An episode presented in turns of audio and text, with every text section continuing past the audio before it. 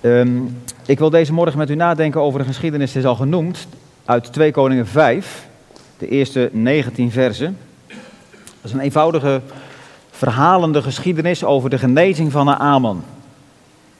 Ik heb dat bewust een beetje gekozen omdat het vakantietijd is en er ook kinderen in de dienst zijn. Ik moet het niet uh, dogmatisch, niet ingewikkeld maken. We willen een verhaal kiezen. De genezing van Naaman, de Syrische generaal. We gaan het gedeelte eerst met elkaar lezen. 2 Koningen 5.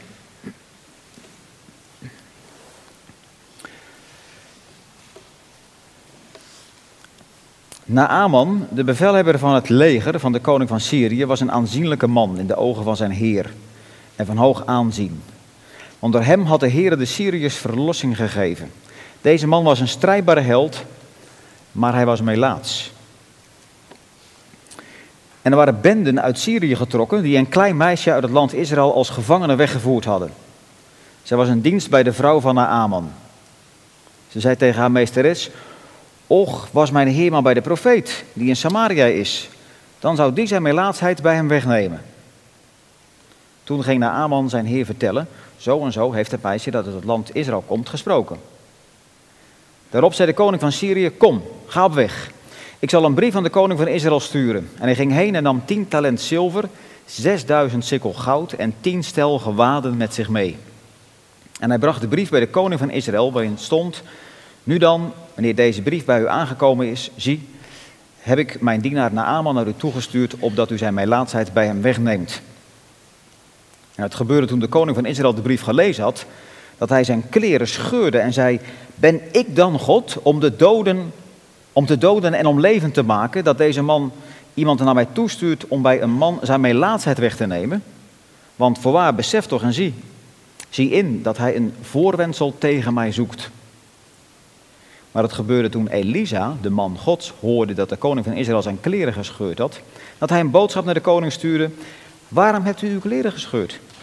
Laat hem toch naar mij toe komen, dan zal hij weten dat er een profeet in Israël is. Zo kwam Naaman met zijn paarden en met zijn wagen en hij bleef voor de deur van het huis van Elisa staan. Toen stuurde Elisa een bode naar hem toe om te zeggen, ga heen en was u zevenmaal in de Jordaan, dan zal uw vlees weer gezond worden en u zult rein zijn. Maar Naaman werd erg kwaad en ging weg. En hij zei, zie, ik zei bij mezelf, ik zal vast en zeker naar, hij zal vast en zeker naar buiten komen. Voor mij gaan staan, de naam van de Heer zijn God aanroepen zijn hand over de plaats strijken en de melaatsheid wegnemen. Zijn niet de Abana en de Farpar, de rivieren van Damascus, beter dan alle wateren van Israël? Zou ik mij daar niet in kunnen wassen en rein worden? Zo keerde hij zich om en vertrok in woede. Toen kwamen zijn dienaren naar voren, spraken tot hem en zeiden: Mijn vader, als die profeet u iets moeilijks opgedragen had, zou u dat niet gedaan hebben? Hoeveel te meer nu hij tegen u gezegd heeft: Was u en u zult rein zijn. Daarom daalde hij af en dompelde zich zevenmaal onder in de Jordaan, overeenkomstig het woord van de man Gods. Zijn lichaam werd weer gezond, als het vlees van een kleine jongen, en hij werd rein. Toen keerde hij terug naar de man Gods en hij, hij en zijn hele gevolg. Hij kwam en ging voor hem staan en zei, zie toch, nu weet ik dat er op de hele aarde geen God is dan in Israël. Nu dan, neem toch een geschenk aan van uw dienaar. Maar hij zei, zo waar de Heer leeft, voor wiens aangezicht ik sta, ik wil het niet aannemen. En hij drong bij hem aan om het aan te nemen, maar hij weigerde het. Nou, Aman zei erop, zo niet, laat dan toch aan uw dienaar een last aarde gegeven worden, zoveel als een span muildieren dragen kan. Want uw dienaar zal geen brandoffer of slachtoffer meer brengen aan andere goden dan alleen aan de Heer. En deze zaak mogen de Heer uw dienaar vergeven. Wanneer mijn Heer het huis van Rimmon zal binnengaan om zich daar neer te buigen en op mijn hand zal leunen, moet ik mij in het huis van Rimmon ook neerbuigen.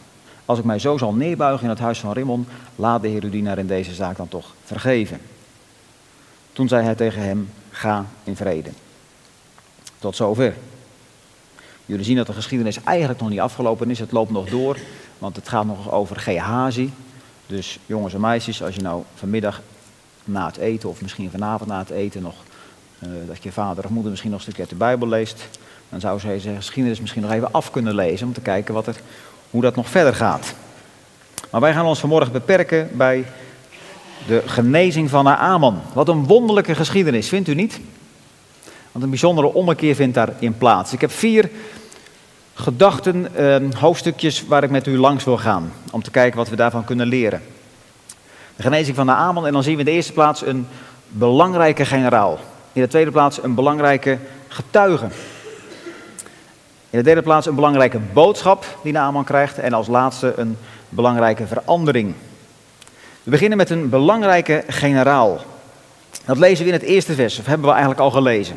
We lezen een stuk of vier, vijf dingen over Naaman.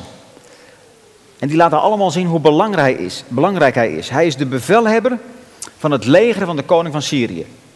Ik noem hem een generaal. Hoofd van het leger. Hij was, lezen we verder, een aanzienlijk man in de ogen van zijn heer. Dus de koning, dat is zijn heer, zijn directe baas, zijn leidinggevende, die, ziet hem, ziet hem als uh, aanzienlijk. Die is met hem tevreden. In de derde plaats staat er nog bij, en van hoog aanzien. Dus dat geldt waarschijnlijk voor de andere Syriërs, die ook deze man in hoog aanzien houden. En, lezen we ook nog, hij had de Syriërs verlossing gegeven. En er staat nog bij dat, dus er is een bepaalde strijd geweest en daar heeft uh, de generaal van, uh, die generaal Naaman, die heeft gewonnen. En dan staat er nog bij dat dat komt door de heren. Want door hem had de heren de Syriërs verlossing gegeven. Wonderlijke wonderlijke tussenvoeging die daar gegeven wordt. Want de Heer staat er met hoofdletters. Ik weet niet hoe het in uw Bijbeltje staat. Maar dat is dus de verbondsgod van het volk. Ja, niet van Syrië hoor. De verbondsvolk van het volk Israël. Die werkt ook door die generaal daar in Syrië. En die vindt het nodig dat op een bepaald moment Naaman een strijd wint. De God van Israël is niet alleen de God van Israël. Hij is de enige God, lezen we aan het eind van de geschiedenis. En hij bepaalt ook het doen en laten van Naaman. Hij had Israël verlossing gegeven. Er nog één ding, iets positiefs, iets moois over Naaman. Deze man was een strijdbare held. Geen, geen generaal die ergens achter zijn bureau de plannen zat uit te denken en voor de rest niet meedeed. Nee, hij was zelf ook een strijdbare held. Jongens en meisjes, ik stel me voor dat deze generaal in de strijd voorop ging. Dat hij niet bang was, maar dat hij het goede voorbeeld gaf. Nou, er worden allemaal dingen over deze belangrijke generaal gezegd. Maar er staat nog één ding bij in dat eerste vers. Maar, staat er, hij was Melaats. Hij was Melaats. En dan kan je nog zo sterk zijn. Je kan nog zo hoog in aanzien staan. Je kan nog een geschiedenis hebben, een cv waar waar allemaal op staat wat je gedaan hebt. Dat je een bepaalde strijd gewonnen hebt. Maar als je ziek bent, als je levensgevaarlijk ziek bent, dan heb je er allemaal niks aan. Misschien kent u mensen in uw eigen omgeving. Nu op dit moment is er bij ons in de straat iemand. Een man waarvan je zou kunnen zeggen, nou die heeft het ook echt wel gemaakt in het leven. Maar toen kreeg hij een paar weken geleden te horen dat hij een ongeneeslijke ziekte heeft. En dan maakt het niet meer uit welk werk je hebt. Het maakt niet uit hoe goed je in je bedrijf uh, gepresteerd hebt. Hoe, hoe je door collega's, hoe de mensen naar je kijken. Dat maakt allemaal niet meer uit. Het is alsof de grond onder je voeten wordt weggeslagen. Maar je bent melaat, je hebt een ziekte. Je zal sterven als er geen wonder gebeurt. Wat doe je dan? Je kan nog zo belangrijk zijn, de eerste gedachte, een belangrijke man, maar je kan nog zo belangrijk zijn. Je kan nog zoveel in je leven bereiken, maar in de handen van God ben je uiteindelijk maar een, een stofje.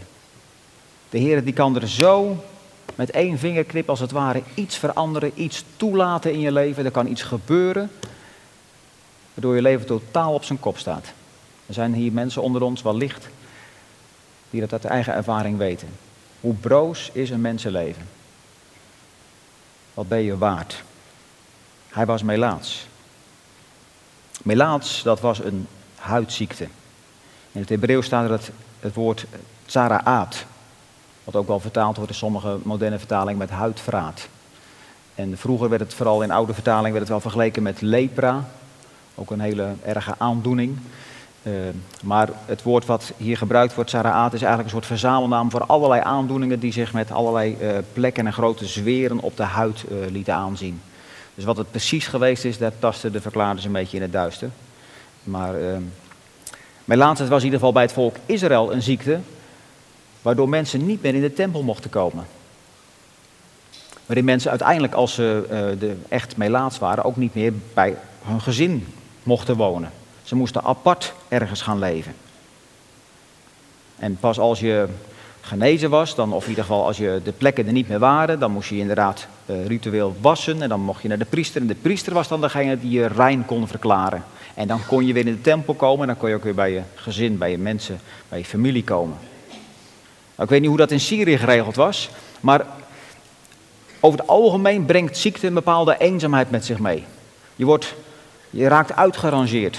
Je staat op een zijspoor. Je doet niet meer mee in het maatschappelijke leven. En zo is ziekte, zeker melaatsheid, is in het Oude Testament ook een beeld van de zonde.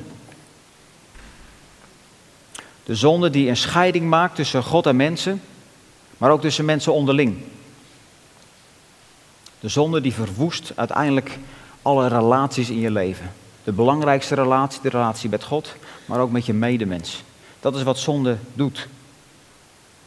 Je zou het kunnen vergelijken, een beeld voor de jongens en meisjes, met, uh, met water. Wat onder de dijk of onder het zand doorheen komt. Uh, misschien zijn jullie in de vakantie aan zee geweest, of misschien ga je nog vakantie en ga je naar het strand. Een van de leukste bezigheden die mijn kinderen vinden, in ieder geval toen ze nog jong waren. En we hebben nog één jonge dochter. Maar wat ze graag doen, dat is van die kastelen, van die zandkastelen bouwen. Weet je wel, vlak bij de, water, uh, bij de waterlijn. En als dan de vloed komt, als het water steeds hoger komt, dan is de vraag hoe lang gaat je kasteeltje, gaat dat stand houden? Hoe lang blijft het overeind staan?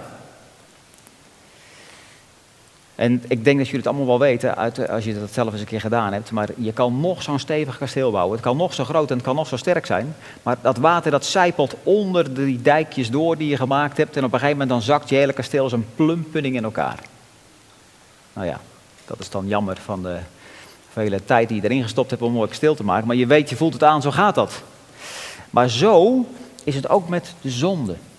Dat, dat ondergraaft als het ware je leven. Het maakt relaties kapot. Dat is zoals de Bijbel spreekt over de zonde als mela of als zonde. Als beeld van de zonde. Maar er is een belangrijke getuige. Er is daar iemand op de plaats waar Naaman is, die hem kan helpen. Die hem de goede richting uit kan wijzen. En dat lezen we in het tweede vers. Ik noem dat een belangrijke getuige. Je ziet dat God vaak een crisis gebruikt in het leven van mensen om ze bij hem te brengen. Het hoeft niet altijd ziekte te zijn. Zeker niet, gelukkig niet zou je zeggen. Maar het kan wel. God gebruikt vaak een crisis. Maar dan moet er ook iemand zijn die de juiste weg wijst. En God gebruikt hier een, een belangrijke getuige, maar het is maar een klein iemand.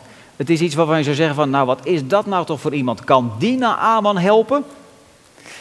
We lezen in vers 2, er waren benden uit Syrië getrokken die een klein meisje, klein meisje nog, uit het land Israël als gevangene hadden weggevoerd. En zij was er in dienst bij de vrouw van Naaman. Een klein meisje, ziet u het voor zich? Jongens en meisjes, misschien was dat meisje wel van jouw leeftijd, jaar of acht, of nog jonger.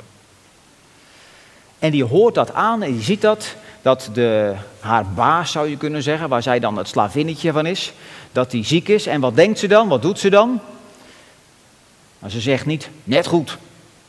Had die gemeente generaal maar de, had hij mij maar niet mee moeten nemen uit dat andere land. Zij is meegenomen. Ze is haar ouders kwijt. Je zou zeggen, dat meisje heeft een trauma.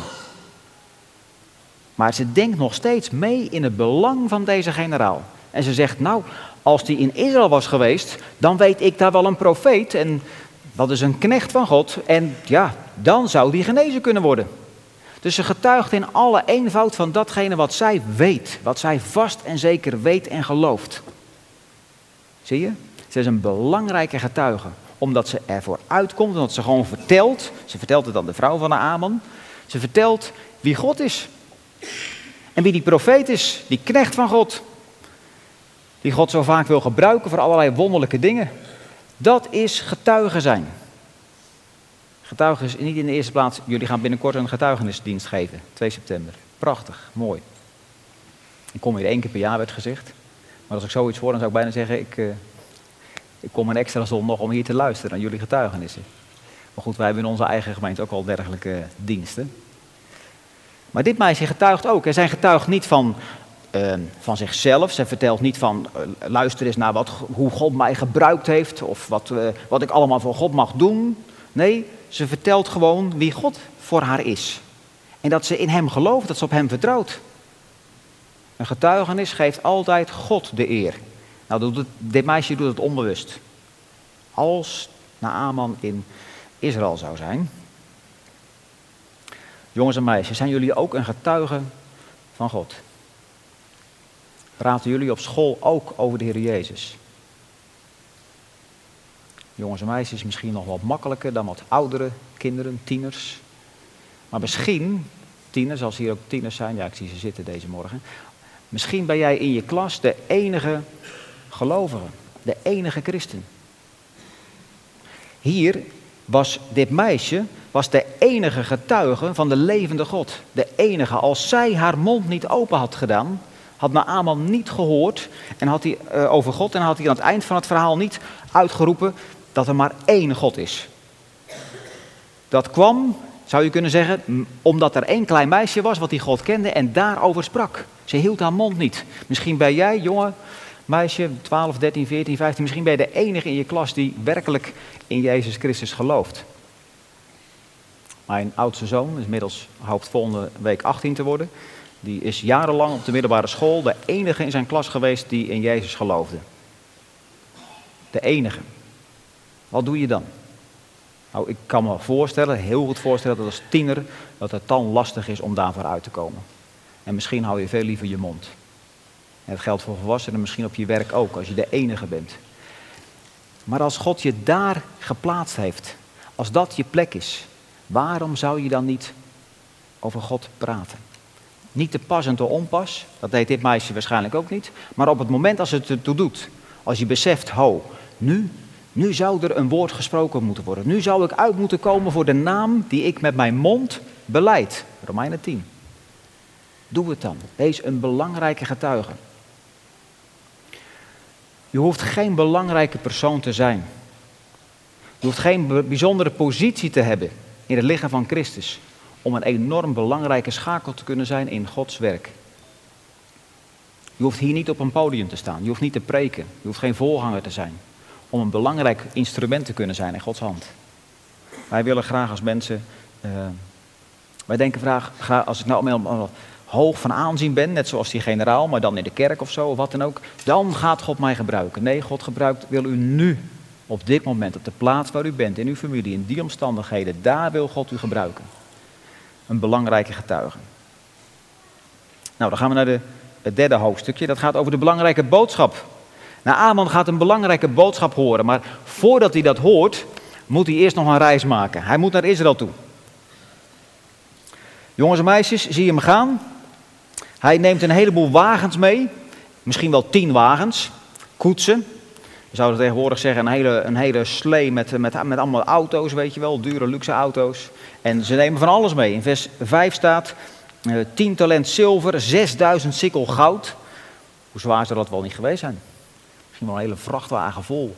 Ze nemen van alles mee. Dat was dan ook een idee van de koning van Syrië. Hoor. Dat is niet alleen Amon die erop komt, maar het is met name zijn baas, de, zijn heer, zijn koning, die dat uh, allemaal voor hem regelt. Tien stel gewaden, ze nemen het allemaal mee. Voorzien van een aanbevelingsbrief voor de koning van Israël. Voordat Naaman werkelijk op de plaats komt waar hij moet zijn en een belangrijke boodschap gaat horen, zijn er nog een aantal obstakels die hij moet overwinnen. Er zijn er drie dingen die hem als het ware nog verhinderen om op de plaats te komen waar hij eigenlijk moet zijn. Bij de God van Israël. Het eerste is dat je zou zeggen, uh, hij zoekt genezing nog naar eigen inzicht. Hij handelt erg naar eigen inzicht. Hij gaat naar de koning van Israël. Hij denkt, daar moet ik zijn. Als er zoiets belangrijks is als een God die mij zou kunnen genezen, dan moet ik bij de koning zijn. En hij neemt ontzettend veel mee. Hij handelt samen met zijn eigen koning helemaal naar eigen inzicht. Jongens en meisjes, Bij ons in de gemeente, in de kerk, daar moeten de kinderen op de zondagschool moeten ze teksten leren, bijbelteksten. Moeten jullie ook een bijbeltekst leren? Doen jullie dat ook hier? Als de zondagschool weer begint, dan uh, leer je misschien wel weer een tekst. Een van die teksten die kinderen leren, die mijn kinderen allemaal geleerd hebben, die staat in Spreuken 3, vers 5. En daar staat: Vertrouw op de Heere met heel je hart. Ken je die tekst? Vertrouw op de Heere met heel je hart en steun op je eigen inzicht niet. Steun niet op eigen inzicht. Denk niet van: Ik weet het wel. Ik kan het wel zelf. Ik heb God niet nodig, ik heb een goed verstand gekregen en dat ga ik gebruiken. Nou, dat moet je natuurlijk in veel gevallen ook doen. Je moet je verstand ook gebruiken. Maar als je alleen steunt op eigen inzicht, en als je niet op de Heer vertrouwt, dan gaat dat fout. En Amon die kent God nog niet. En hij gaat naar eigen inzicht te werk. En dan vind je geen verlossing, dan vind je geen genezing. Het is als met mensen die op zoek gegaan zijn naar verlossing, die graag verlossing willen, die God willen leren kennen, maar die God nog wel zoeken op hun eigen voorwaarden. Die zeggen, als ik nu dit of dat doe, dan zal God daar wel tevreden mee zijn. Dus er is een bepaalde nood in je leven en je bent op zoek gegaan naar God, maar je zoekt God nog niet op zijn voorwaarden. Van de week hoorde ik het verhaal van een man. Het lijkt een beetje op wat uh, Sipke vertelde deze morgen. Ik hoorde het verhaal van een man en er was aan hem gevraagd, hij kwam al jaren in een kerk en er werd aan hem gevraagd, hoe weet je nu dat het goed is tussen God en jou? Waarom zou God jou aanvaarden? En toen zei die man, ja, ik, ik bid elke avond. Ik bid elke avond. Dus ik verwacht dat. Ja. Nou, hij zei het niet, maar dat was eigenlijk waarom dat hij verwachtte dat God hem wel zou aanvaarden. Nou, bidden is belangrijk. En ik hoop dat iedereen die hier deze morgen zit, dat je, dat je doet. Dat je tijd hebt, tijd neemt om persoonlijk met God te praten. Want dat is bidden. Met God praten. Je dat s ochtends doet, s middags, s avonds, voordat je gaat slapen. Kan op meerdere momenten per dag kan je dat doen. Dat is goed om te doen. Maar dat is niet de grond, dat is niet de reden waarom dat God zou zeggen van nou jij bidt zoveel, jij hebt het zo goed gedaan. Dat zijn jouw voorwaarden, maar God heeft een andere voorwaarde. Dat is de belangrijke boodschap die Naaman straks gaat horen. Maar hij heeft nog een obstakel. Want hij heeft moeite om die verlossing te aanvaarden en dat komt ook door zijn status. Dat komt omdat hij een belangrijk iemand is. Hij is bij de koning van Israël geweest. Ik sla dat gedeelte verder even over. Hij is bij de koning van Israël geweest en dan komt hij vervolgens komt hij bij Elisa. En dan lezen we in vers 9, als hij bij de profeet aankomt, dan staat er, zo kwam Naaman met zijn paard en met zijn wagen en hij bleef voor de deur van het huis van Elisa staan. Daar staat die hele stoet, stil voor het huis van de profeet. En je ziet als het ware die profeet, of die, uh, die generaal Elisa, of uh, generaal Naaman, sorry, die zit daar en die denkt van, nou, laat die profeet maar komen. Laat hem maar eens zien wat hij kan. En hij zegt het ook verderop in vers 11, als hij het kwalijk neemt dat het allemaal wat anders gaat. Dan zegt hij, ik had verwacht dat die profeet naar buiten zou komen. Dat hij voor me zou gaan staan, dat hij uh, tot God zou bidden en dat hij dan met zijn hand over de plaats zou struiken waar de melaatsheid is. Dat had ik allemaal verwacht. Hij is de generaal. Hij is belangrijk. Dus die profeet moet naar hem toe komen. Maar er gebeurt iets totaal anders. Hij staat daar voor het huis te wachten en dan komt daar een dienstknechtje. Misschien is dat inderdaad al die Gehazi waarover we verder kunnen lezen. Die komt naar buiten lopen en die zegt, eh, boodschap van mijn, uh, van mijn heer, van de profeet, u moet uh, naar de Jordaan gaan en dan moet u zeven keer onderdompelen en dan zult u beter zijn. Naaman weet niet hoe hij het heeft.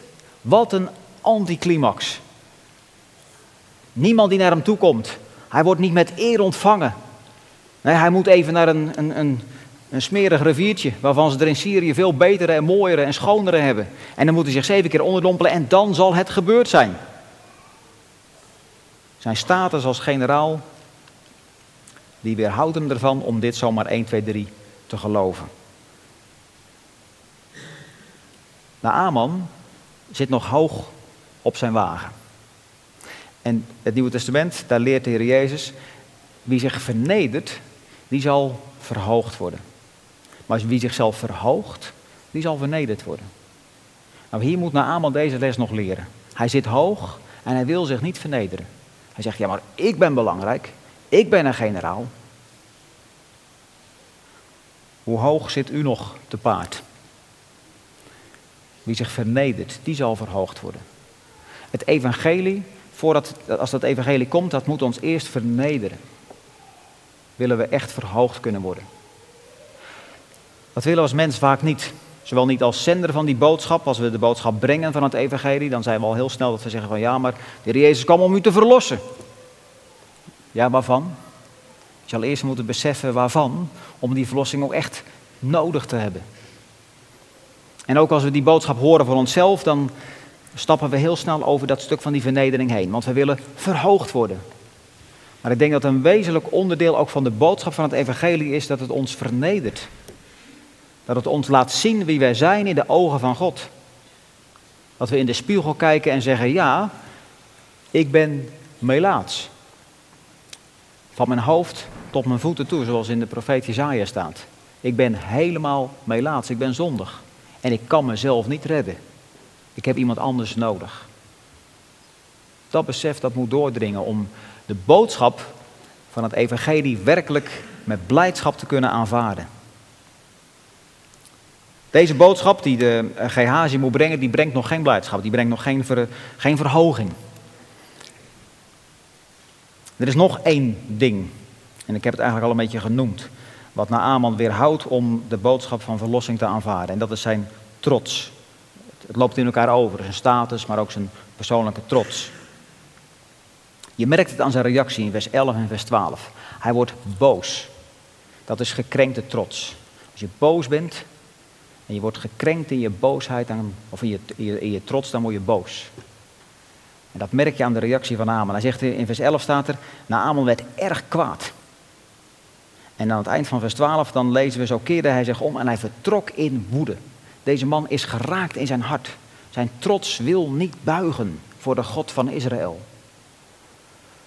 Wat is trots een vervelend iets? Het verwoest, het houdt zeg maar de kloof tussen God en ons in stand, maar het kan ook de kloof tussen mensen om ons heen in stand houden. Trots, dat redeneert, waarom overkomt mij dit? Waarom wordt mij dit aangedaan? Waarom ben ik hier het slachtoffer van? Waarom moet mij dit overkomen?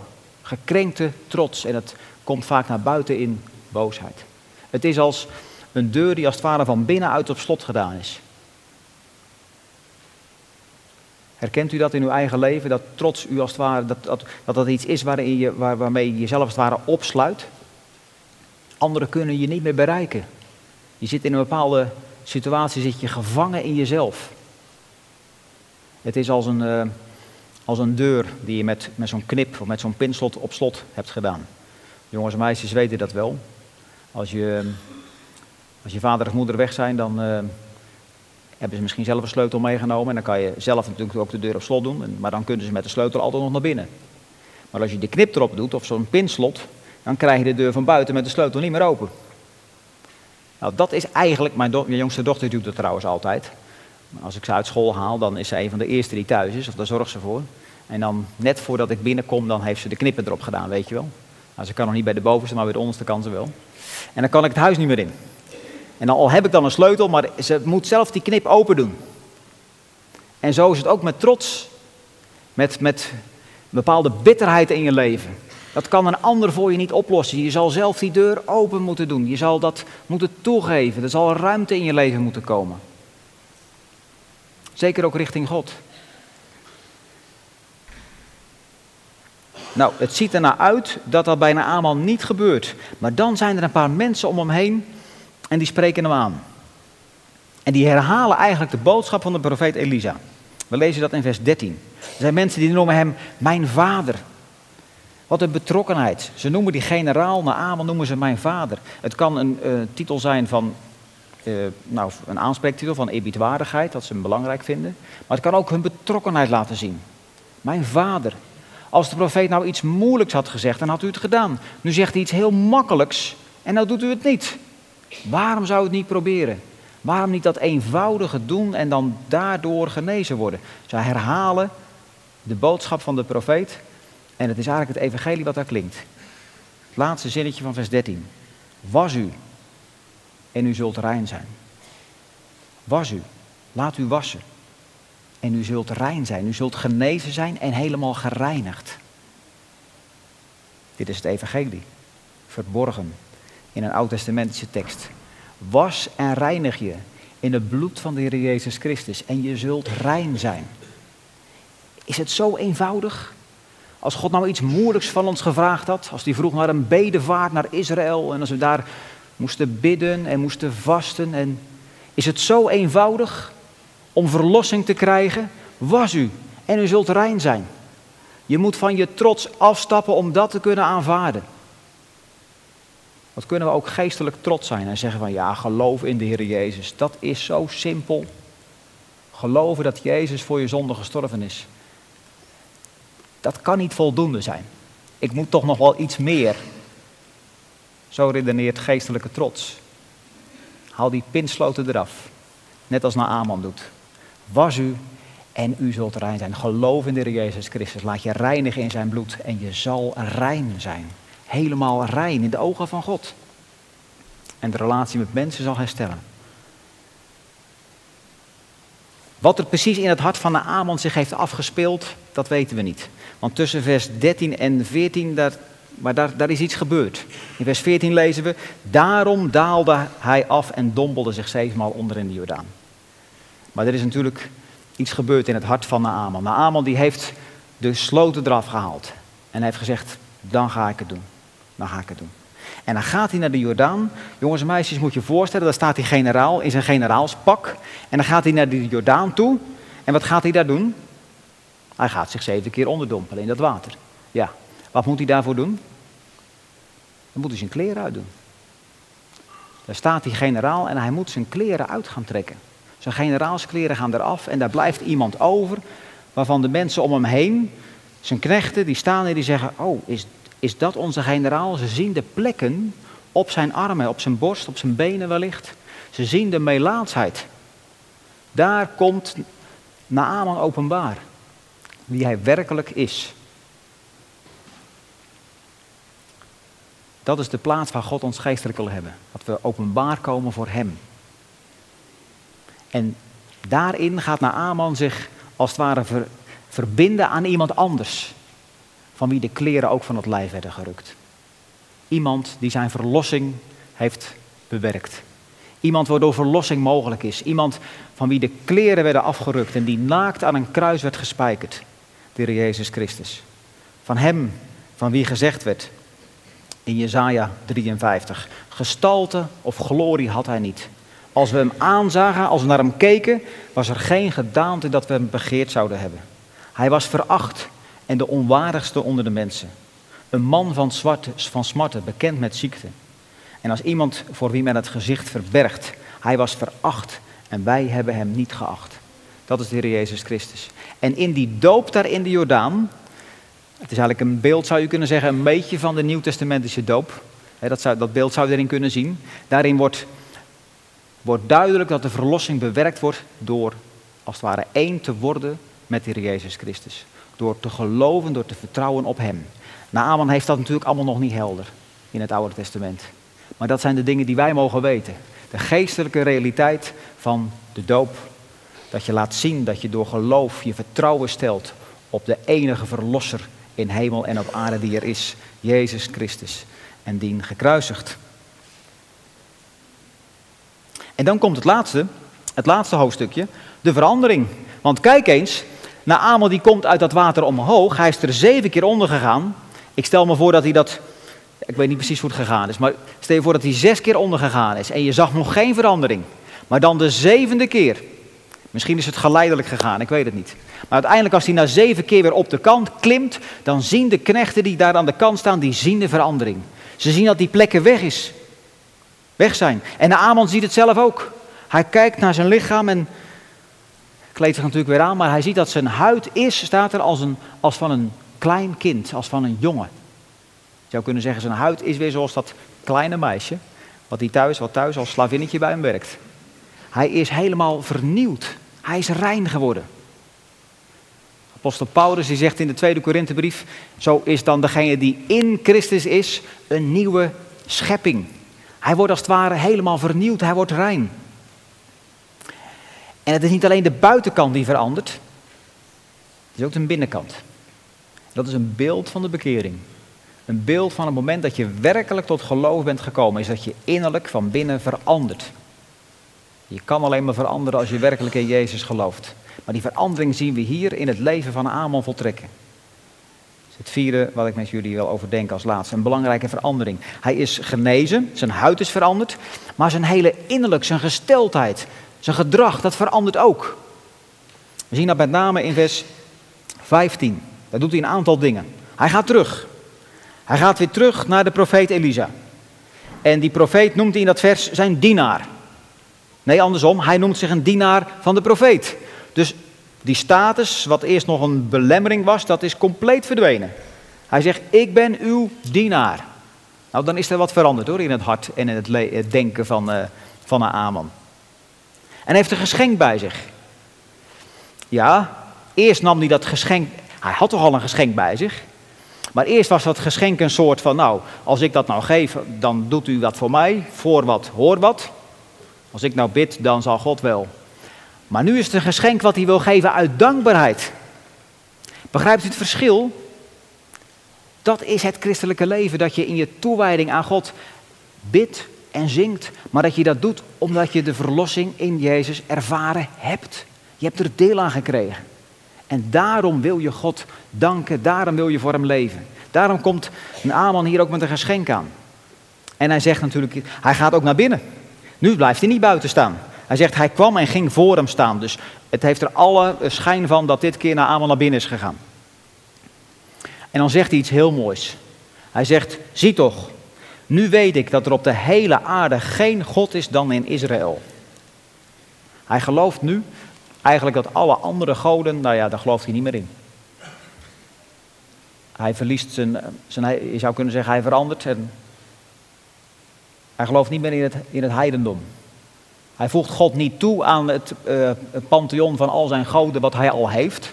Hij zegt niet, nou het is fijn, we doen ook de God van Israël er nog bij. Nee, hij schuift alle goden aan de kant. Hij zegt, er is maar één God, de enige God, en die wil ik dienen. Nou ja, daar eindigt de geschiedenis ook mee. Hij wil natuurlijk, hij wil ook nog wat grond meenemen en hij vraagt ook nog verschoning voor een bepaalde kwestie, dat hij dan voor zijn beroep, zou je kunnen zeggen, nog met zijn heer, met zijn koning mee moet om daar te bidden. De verklaarders zijn daar wat uh, uiteenlopend over hoe ze dat beoordelen, maar ik denk dat als je kijkt naar de reactie van uh, Elisa, ga in vrede, dat, dat je hier naar Aman werkelijk moet beoordelen op uh, zijn hart, zijn verlangen. Hij wil alleen nog maar de levende God dienen. Daar heeft hij natuurlijk geen grond uit Israël voor nodig. En ehm, nou ja, daar kan je misschien nog meer over zeggen, maar dat laat ik nu achterwege. Maar je proeft hierin de verandering die Naaman heeft ondergaan. Hij wil alleen nog maar God dienen. Hij is veranderd. Geloof en bekering gaan samen op. Misschien een goede vraag om nog over na te denken aan het eind van deze preek.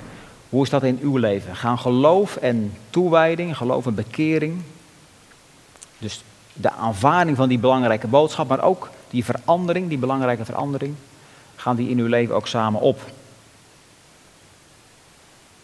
is een dagelijkse bekering. Ik merk in mijn eigen leven dat ik dat steeds weer opnieuw nodig heb. Ik weet niet hoe het bij u is. Misschien, ik weet niet hoe lang u de Heer Jezus al dient, hoe lang u hem al kent. 10 jaar, 20 jaar, 30 jaar. Ik denk dat ik al gauw 25 jaar geleden tot geloof ben gekomen, ongeveer. En dan merk ik nog steeds dat ik die dagelijkse toewijding, die dagelijkse bekering zou je kunnen zeggen, dat ik die nodig heb. En dat er momenten zijn dat ik zeg van nou, ik wil de verlossing wel aanvaarden, maar is er ook een stuk toewijding richting God? Nou, bijna Aman die laat dat zien deze morgen. Als in een spiegel laat hij aan ons zien, kijk, dit is wat het evangelie bij ons wil uitlokken. Een houding waarin we ons restloos aan God overgeven. En zeggen, hij is de enige God. Hem wil ik alleen dienen. We gaan afsluiten. In het Nieuwe Testament is er een Melaatse die door de Heer Jezus wordt gereinigd. En die Melaatse die roept dit. Heer, als u wilt. Als u wilt, dan kunt u mij reinigen. misschien zitten hier deze morgen ook mensen met die roep. Heer, ik weet het. Ik weet dat u God bent. Als, ik weet, als u wilt, dan zou u in mijn leven kunnen ingrijpen. Dan kunt u mij reinigen. Weet u wat de reactie van de Heer Jezus is? Ik wil. Word gereinigd. Word rein. Dat is wat God van ons, wat, wat Hij wil geven. Wat Hij in zijn Zoon Jezus Christus aan ons geeft. Laten we Hem daarvoor danken. Amen.